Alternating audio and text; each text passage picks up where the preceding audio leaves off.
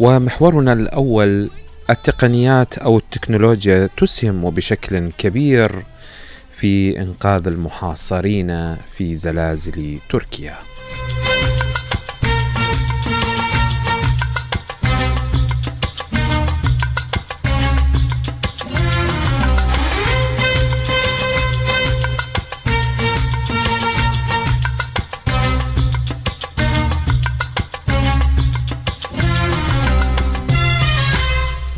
يحاول البعض أن يسبغ على الزلازل. نظريات متعددة قد يكون بعضها اسطوريا لكن الزلازل في حقيقتها هي كوارث طبيعية حالها حال الفيضانات وحالها حال البراكين والاعاصير وغيرها من الظواهر أو الكوارث الطبيعية التي تضرب الأرض منذ أنشئت قبل خمس مليارات سنة بالضبط. هذه الظواهر موجودة. حتى أن بعض الأقوام وفي أزمان معينة كانوا قد عبدوا هذه الظواهر وأقاموا لها آه، آلهة متعددة وذلك لكي يحتمون بهذه الآلة المدعاة أو الآلهة المدعاة عفوا وبالنتيجة يحتمون بها من هول الطبيعة وكوارثها. لذلك نجد إن الزلازل عندما تضرب في منطقة معينة بالعالم آه، خصوصا ما نشهده هذه الأيام في المنطقة آه، اللي هي صفيحة الأناضول بالقرب من الصفيحة العربية بالضبط في منطقة جنوب تركيا وشمال سوريا. وحتى اليوم كانت في في الموصل أيضا ب 4.5 على مقياس ريختر بالضبط في منطقة جنوب قضاء الحضر في الموصل. آه، كل هذه آه، الزلازل آه، وكل هذه الأبعاد لهذه الكارثة الطبيعية تساق الكثير من الاحتمالات حولها حتى أنه قبل أيام كانوا يتحدثون عن سلاح استراتيجي كان هو السبب في ذلك لكن هذه كلها أقاويل ليس لها أي باب من الصحة. الزلازل ظاهرة طبيعية وهي من الكوارث الطبيعية التي تقع منذ أنشئت الأرض وحتى اليوم. فريق من وكالة ناسا استخدم تقنيات عالية في الكشف عن الضحايا الذين آه، سقطوا في آه، زلزال تركيا وبالتحديد في مناطق غازي عنتاب وهطاي التركية. آه، الفريق ساهم وساعد في إنقاذ الأرواح بتقنية سنستمع آه، هذا التقرير بصوت سمر حسين. الذي يتحدث عن هذه التقنية. عالية الدقة على الرغم من ذلك إلا أنها لم تستطع أن تنقذ الكثيرين وذلك لأن حجم الكارثة كان مهولا وكبيرا لأسباب عدة منها يعني قوة هذا الزلزال أولا وثانيا وهو الأهم ضعف البنية التحتية في هذه المناطق التي دمرها.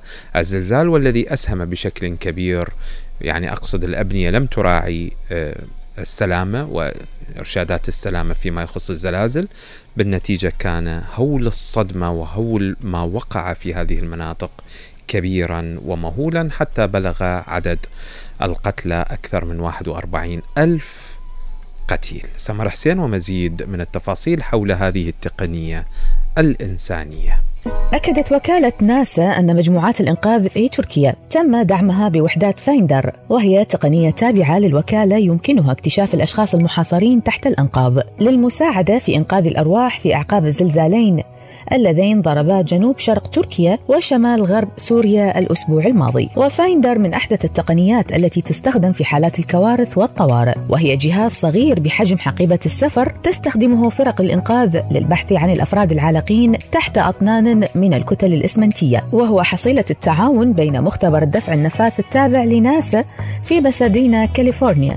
ومديرية العلوم والتكنولوجيا التابعة لوزارة الأمن الداخلي الأمريكية في واشنطن وشركة SpecOps ومقرها فلوريدا. FINDER يبحث عن قلوب الضحايا. يمكن لتقنية FINDER اكتشاف نبضات قلب الشخص على الرغم من وجوده تحت كومة ضخمة من الأنقاض. ويتم تشغيل الوحدة بواسطة بطارية ليثيوم وترسل موجات دقيقة منخفضة الطاقة. ويمكن أن تكشف الموجات عن حركات خفيفة مثل النبض الخفيف للجلد الذي يكشف عن دقات القلب. ويمكن أن تخترق هذه الموجات ما يصل إلى 30 قدم أي 9 أمتار في أكوام الأنقاض أو 20 قدم أي 6 أمتار في الخرسانة الصلبة وتتمثل إحدى مزايا فايندر مقارنة بالميكروفونات وأدوات البحث والإنقاذ التقليدية الأخرى في أنه ليس من الضروري أن يكون الشخص واعيا حتى يعثر عليه. فالنبض كاف لإرشاد عمال الإنقاذ نحو موقع العالقين.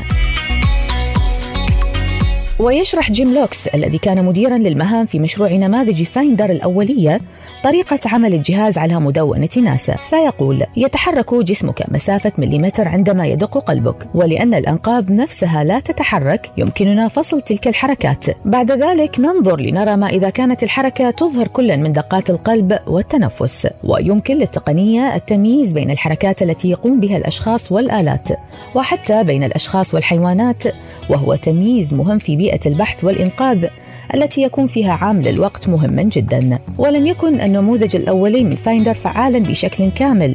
حيث لم يتمكن من تحديد عدد من الأفراد المدفونين بدقة ولم يتمكن من رؤية مواد معينة بعيدة جدا مثل الجدران المعدنية الصلبة ولكن التحديثات التي حصلت بعد ذلك أدت لتحسين جودة الجهاز الحالي بنسبة كبيرة. وساعدت وكالة ناسا تركيا أيضا من خلال مشاركة صورها الجوية وبياناتها من الفضاء والتي يمكن أن تساعد عمال الإغاثة والإنقاذ في المنطقة التي ضربها الزلزال بالإضافة إلى تحسين قدرات نمذجة مثل هذه الأحداث والتنبؤ بها. وبفضل الزلازل علماء يكتشفون أرضا داخل الأرض هذا ما نشرته قناة الحرة نقلا عن رويترز حيث قياس كوكب الأرض بوحدة جديدة آه، واكتشاف بنية مميزة واضحة المعالم داخل اللب الداخلي لكوكب الأرض طبعا علينا أن نعرف أن العلماء حتى الآن يعرفون آه، بنية الكواكب الأخرى أكثر مما يعرفون ما ما يدور وما يجري داخل اللب الداخلي لكوكب الأرض. آه، إذا نحن أمام دراسة مكثفة عن أعماق كوكبنا استنادا إلى حركة الموجات الزلزالية الناشئة عن الزلازل الضخمة.